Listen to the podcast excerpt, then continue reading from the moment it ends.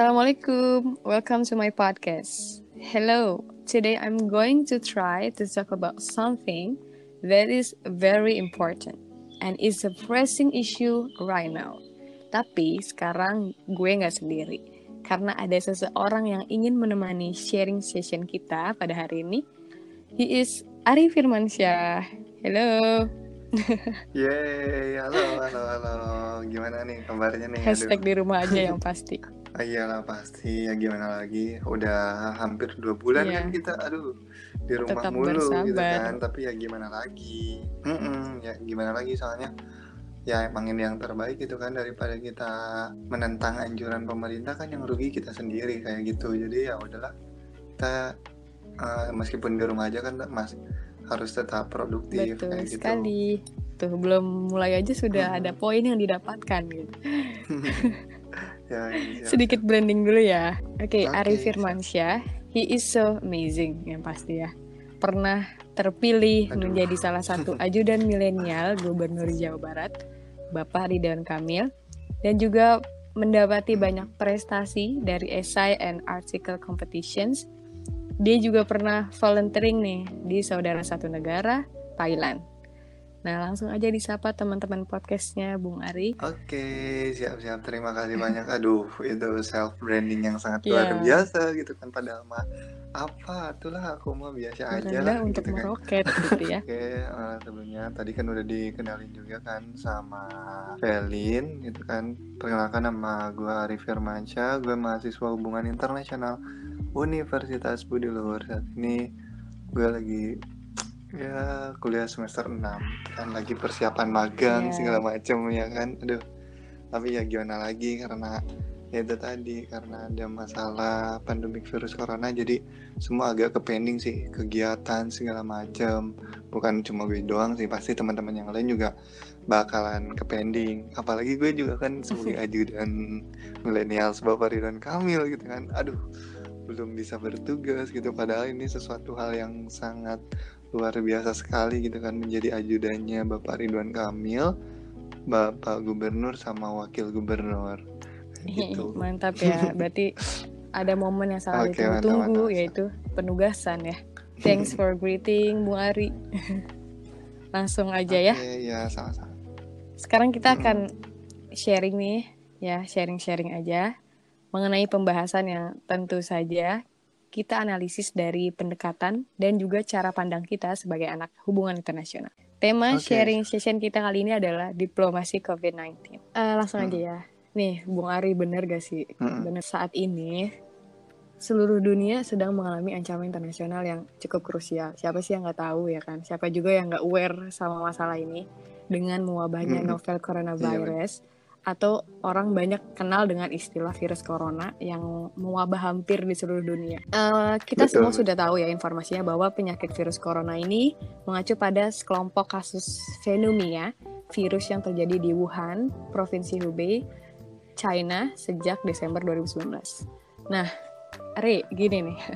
Kalau kita berbicara tentang Gimana? diplomasi ya dalam fenomena COVID-19 ini, kalau menurut aku sih konsep diplomasi itu Mm. sekarang jadi sedikit berdes- bergeser nih gara-gara fenomena COVID-19 ini. Wah gimana tuh? yang Aduh. tadinya yang Berge- tadinya diplomasi kita bisa sebut sebagai alat atau instrumen penting dalam menegosiasikan Hmm. kepentingan negara aja ya entah itu kepentingan politik ekonomi sosial budaya dan lain sebagainya yang pasti punya punya tujuan dong untuk mencapai kepentingan negara mereka masing-masing we can say like win loss solution atau win win win solution atau bahkan sebenarnya realitanya ya eh, yang terjadi itu sekarang win loss ya yang sering banyak terjadi bahkan loss loss Hmm. solutions. Nah tapi dalam fenomena ini nyatanya konsep diplomasi menurut aku sekarang jadi berubah dari yang awalnya setiap negara Hmm. mengutamakan kepentingan masing-masing negaranya harus mencapai win solution tadi, namun sekarang diplomasi menjadi alat untuk mencapai kepentingan bersama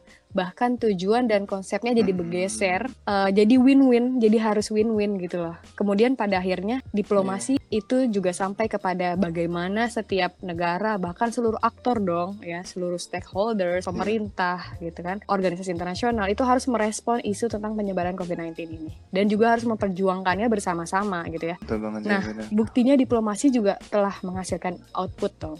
Dan yang pasti bermanfaat bagi setiap negara. Dengan terjalinnya diplomasi yang tadi aku bilang bergeser ya konsepnya. Tadinya awalnya untuk mencapai kepentingan satu negara aja, sekarang mencapai kepentingan Hmm. semua negara bersama-sama. Dan ini terbangun karena ada rasanya benar. solidaritas dong, beyond border yang di antara negara-negara tanpa batas teritorial. Nah, Terus terus gimana? sehingga sehingga nih dari konsep dan juga pandangan aku tadi itu yang aku lihat sekarang Hmm. jadi banyak menghasilkan kebijakan-kebijakan ya dari setiap negara tata kelola yang dibangun atas dasar kepentingan bersama dari seluruh negara entah itu dia first country, second country atau bahkan dia negara berkembang atau dapat kita sebut sebagai third country seperti itu. Nah, itu menurut Hmm. aku soal diplomasi secara general. Nah, sekarang aku mau tanya nih sama Bung Hmm. Arif Firmansyah.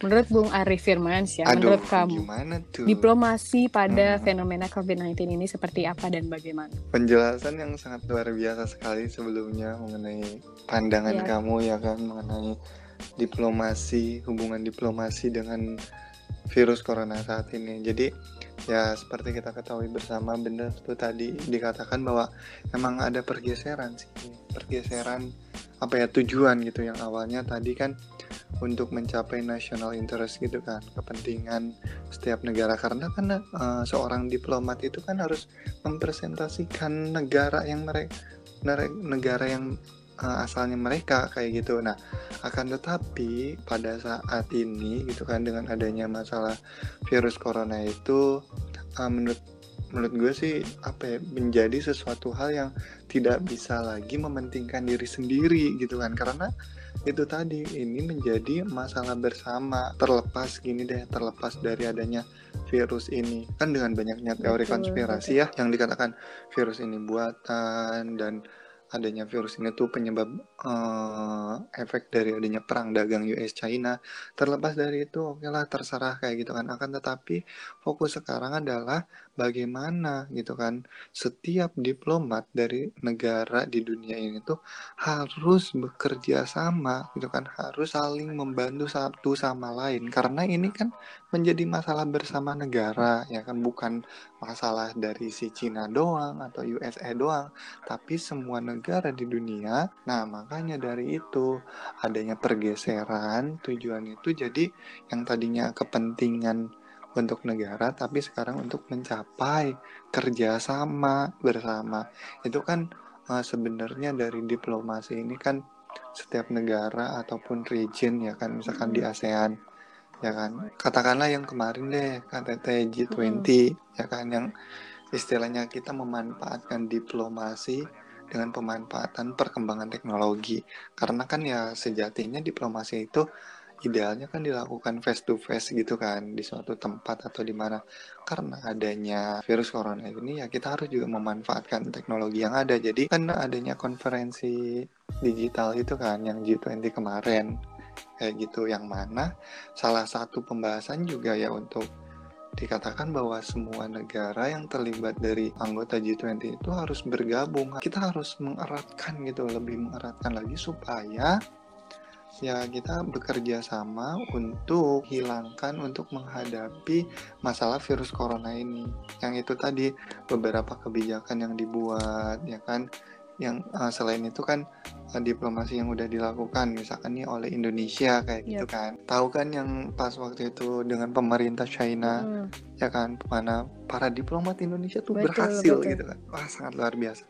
Mm-mm, udah berhasil melakukan negosiasinya untuk meminta untuk apa ya membantu lah memberikan uh, bantuan APD alat medis kesehatan masker segala macam dari China.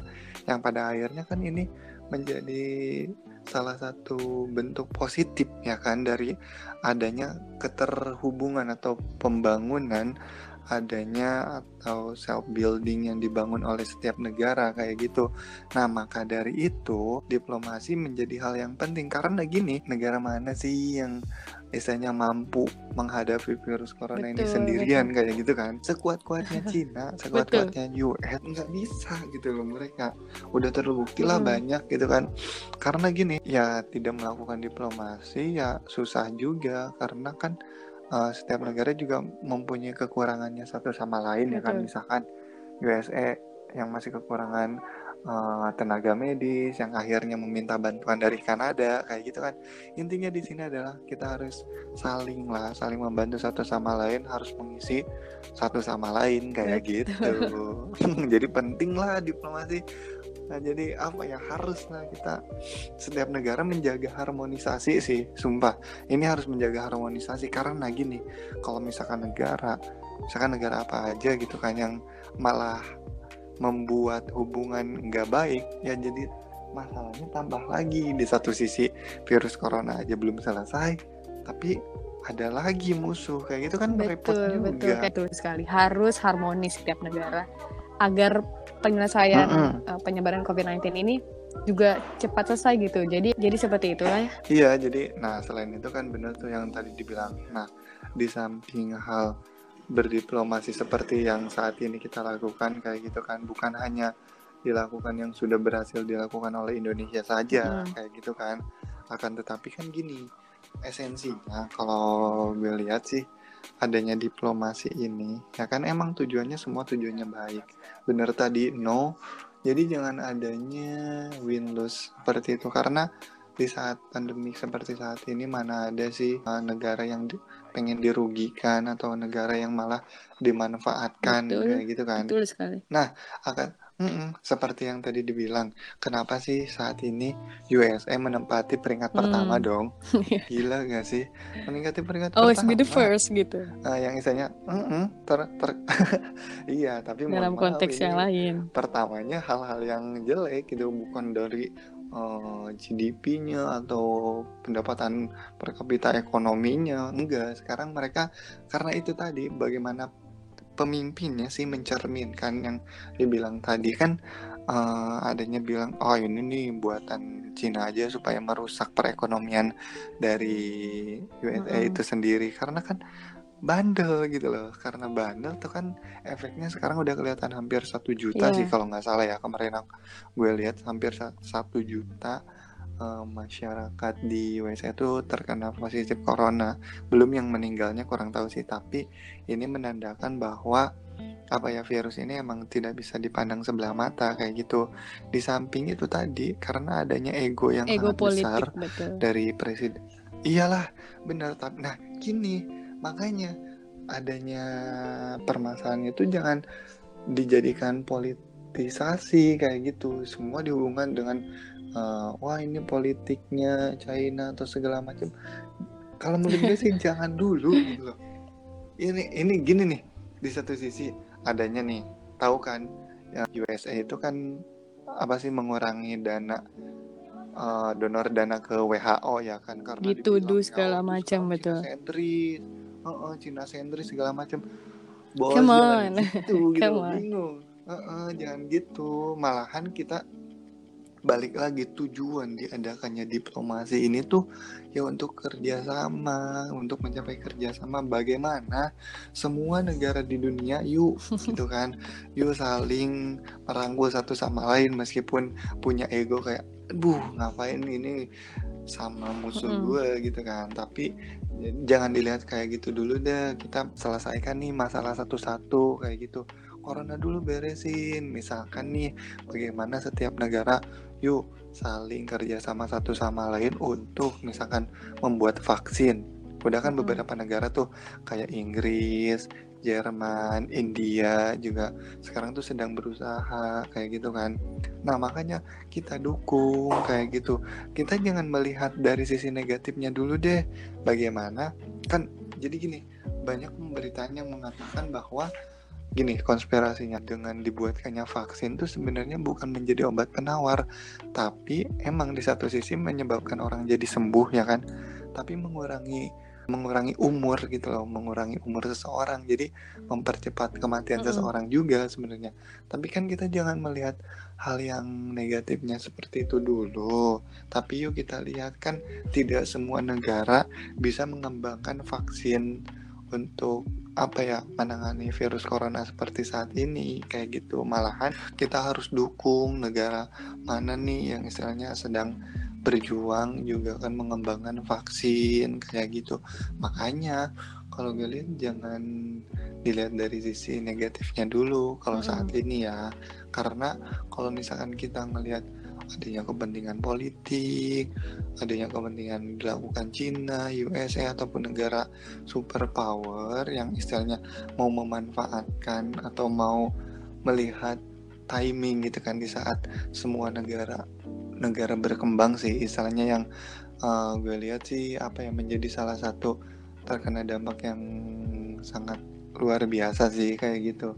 Karena gini yang akan merambah ke semua lini sih sebenarnya ya akan menjadi dilematis juga sebenarnya kalau gue lihat di satu sisi ya semua negara uh, harus melakukan kerjasama tapi berbenturan juga sih sebenarnya kalau menurut gue ya berbenturan sama national interest Mm-mm. tadi kayak Tidak dapat gitu. dipungkiri juga ya pasti ada national interest dari setiap negara. Mm-mm. Tapi juga tidak dapat dipungkiri Iya, juga iya. kalau misalnya we really need each other gitu loh. Jadi jangan kayak Iya dong. jangan kayak egois, benar. ego politik gitu yang akhirnya membuat negara besar seperti US sekarang kelabakan gitu loh untuk menyelesaikan uh, penyebaran COVID-19 di negaranya. Itu setuju sih, benar banget Iya sih. dong. Dilematis, dilematis yang tadi itu dikatakan bahwa ya saat ini janganlah memanfaatkan situasi demi kepentingan. Betul. Yang itu pasti. Itu untuk seluruh itu. uh, stakeholder ya. Media juga jangan iya dong. sering sukanya hobinya propaganda gitu loh. Jadi bersama ya bahu membahu seluruh aktor lah gitu. Kita juga mematuhi anjuran pemerintah gitu dan pemerintah juga memberikan transparansi informasi agar masyarakat tahu gitu kan. Percayalah Iya, bahwa iya. kebijakan yang sudah diberikan eh, dari Bapak Jokowi pemerintah ya ke- secara keseluruhan it- itu adalah yang terbaik untuk kita. Bagaimana kita bisa terus Mm-mm, stay at benar. home, physical distancing, social distancing, ya kan? Kalau misalkan masyarakatnya masih bandel ya yakinlah kor- virus corona ini akan bertahan lama. Tapi uh, akan tetapi kan semua negara juga mengusahakan bagaimana sih itu tadi uh, berdiplomasi dengan negara lain supaya misalnya bagaimana sih mengembangkan vaksin ya kan itu kan sebagai salah satu cara untuk bagaimana menghilangkan virus corona dari muka Betul. bumi ini ya kan terlepas dari banyaknya oh diplomasi yang dilakukan saat ini tahu nggak kamu tahu nggak sih diplomasi yang dilakukan China dikenal dengan diplomasi masker tahu? gimana tuh, gimana tuh? ada itu Mm-mm. eh sumpah sih Banyak sebenarnya sih kalau banyak kita mau ngomongin satu-satu. Mm-mm, diplomasi. Eh, eh, diplomasi masker Cina. Katanya yang dilakukan Cina saat ini tuh sebagai salah satu cara peluang gitu kan. Cuma akal-akalan Cina aja sih supaya memanfaatkan momentum saat ini. Karena gini kalau misalkan kamu ngelihat deh kemarin-kemarin di Beijing udah melakukan apa ya normalisasi lagi ya. kan? Normalisasi masyarakatnya untuk ya berkegiatan tapi masih dibatasi. Tapi kan ini menjadi salah satu hal penanda bagaimana awalnya dari Cina virus ini kan Iya. tapi Cina sendiri gitu loh yang malah mereka lebih cepat untuk pemulihannya kayak gitu. Kan ini menjadi pertanyaan ya. Kalau gue pertanyaan besar kayak wah berarti di satu sisi sebenarnya Cina udah mempersiapkan protokol protokol yang misalnya siap gitu dengan misalkan nih protokol seperti ini deh Eh, dulu kan eh, beberapa bulan yang lalu eh, sempat viral kan bagaimana eh, pemerintah Cina eh, membangun rumah sakit hanya kurang lebih seminggu deh kalau nggak salah. Iya nggak sih? Yang itu kan sempat viral. Nah bagaimana kan sebenarnya kalau misalkan dilihat ini sebagai salah satu apa ya protokol yang dilakukan oleh pemerintah Cina. Jadi kalau gue ngelihatnya kayak di satu sisi gini deh. Kalau misalkan Cina sekarang lagi menghadapi masalah misalkan virus corona kayak gitu. Sebenarnya kalau gue ngeliat tuh pemerintah Cina tuh udah mempersiapkan dari tahun-tahun yang lalu. Misalkan bagaimana sih menyiapkan kalau misalkan nih ada masalah seperti ini berarti protokolnya kayak gini. Jadi mereka tuh udah siap sebenarnya menghadapi virus ini. Kalau gue ngelihat ya terlepas virus ini datangnya dari kelelawar ataupun uh, adanya senjata biologis untuk menghancurkan negara-negara dengan perekonomian besar. Terlepas dari itu mah kita apa ya bodo amat kayak gitu kan. Dalam artian ya ini mungkin kepentingan yang dilakukan oleh China aja supaya mereka juga bisa menjadi apa ya negara yang hegemon kayak gitu kan. Negara hegemon negara superpower supaya ya itu tadi bisa mengalahkan dominasi Cina dari Amerika Serikat saat ini kayak gitu. Nah balik lagi dengan adanya diplomasi masker ini sebenarnya kan uh, melakukan Cina supaya mereka dipandang bahwa ya Cina itu datang sebagai penyelamat kayak gitu. Nih gini deh salah satu contoh yang udah tadi gue bilang ya kan uh, uh, Cina kan bukan hanya memberikan bantuan alat medis ke Indonesia aja, ya, ya kan? Betul. Akan tetapi memberikan bantuannya juga ke Jerman dan juga ke Kanada dan masih banyak lagi ke negara lain. Nah yang uniknya gini nih ada salah satu hal yang unik. Dulu sebenarnya kan uh, Kanada sama Cina itu pernah bersih tegang ya kan? Pernah bersih tegang kayak gitu. Akan tetapi dengan adanya pandemik virus corona ini uh, Cina berhasil. Menurut gue ya Cina berhasil membalikan yang tadinya Kanada bersih tegang sama China tapi akhirnya Kanada minta bantuan dong yeah. sama Cina kayak gitu.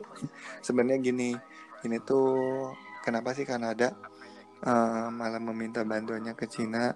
Karena gini kan uh, Kanada sebenarnya sakit hati sih oleh pemerintah uh, Amerika Serikat. Karena waktu itu kan uh, pemerintah USA meminta bantuan petugas medis dari Kanada ya kan? Dan akhirnya pemerintah Kanada juga menyetujui mengirimkan uh, petugas medis dari Kanada ke uh, Amerika Serikat. Akan tetapi liciknya USA kalau gue ngelihat ketika Kanada membutuhkan masker, APD dan lain sebagainya, USA nggak mau dong karena USA bilang gini, eh ngapain gue harus ngasih bantuan ke Kanada kalau misalkan di negara gue sendiri juga masih butuh hmm. kayak gitu kan di sini tentu jadi kesel ya kan di satu sisi kayak woi diplomasi yang awalnya gitu kan. Kita untuk mencapai kerjasama satu sama lain.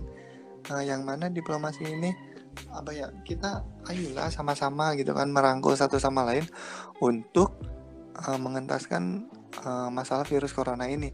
Akan tetapi ya kan balik lagi diplomasi ini berbenturan dengan national interest tadi. Jadi dilematis juga. Makanya si Kanada tuh kayak enggan gitu kan kesel sama Donald Trump kayak gitu. Akhirnya Kanada uh, minta bantuan lah sama China kayak gitu. Akhirnya China juga merespon baik dua kali 24 jam setelah minta bantuan dari Kanada itu langsung dikirim langsung diekspor APD alat kesehatan ke Kanada. Jadi kan di satu sisi uh, diplomasi masker Cina ini ya berhasil lah memanfaatkan situasi aja sih kalau gue ngelihat ya di samping tadi kita melihat diplomasi dari sudut pandang yang positifnya kayak gitu sih. Dan itu iya, uh, balik lagi sih ego politik kayak terutama US mm -hmm. meminta Cina mm -hmm. sekarang untuk menyelesaikan coronavirus ya tidak bisa gitu loh kita harus bareng-bareng bersama-sama yeah. tadi juga. Tapi hmm, again bener, bener, bener, and again gitu ya. Ini dalam fenomena dan kasus yang berbeda soal keselamatan masyarakat. Jadi please back again kita tuh hmm. Membutuhkan satu sama lain gitu ya. Dan itu sudah menjadi tanggung jawab yeah, bersama bener, atau responsibility to protect ya kan, protect each other. Diplomasi is really important for one country to another country dan ini yeah, menjadi yeah, norma yang baru hmm. dalam tatanan internasional. Ya tidak ada negara yang bisa hidup tanpa adanya negara Kecuali lain kayak lu gitu. bikin Jadi, negara di dalam Mars gitu. Lu bisa deh sendiri gitu kan. Aduh, kita juga harus mendukung lah para diplomat Betul. Indonesia gitu kan.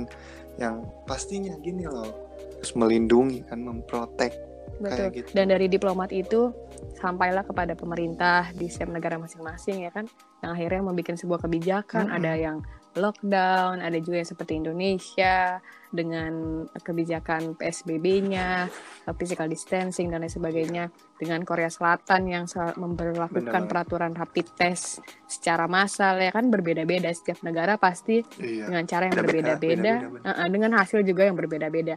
Dan menurut aku pandemi ini juga telah merubah relasi donor dan resipien yang tadinya negara-negara berkembang hanya menerima bantuan, menerima donor, justru hmm. sekarang juga memberikan donor ya kan.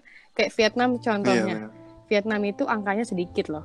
Dan hmm. coba bisa dicari lagi ya oleh teman-teman. Vietnam itu sedikit angkanya.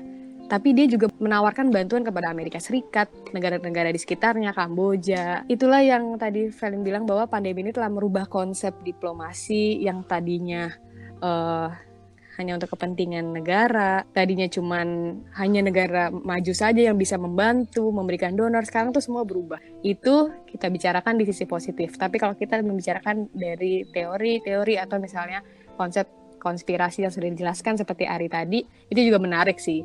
Kita juga nggak bisa dipungkiri bahwa setiap negara pasti ada kepentingannya masing-masing.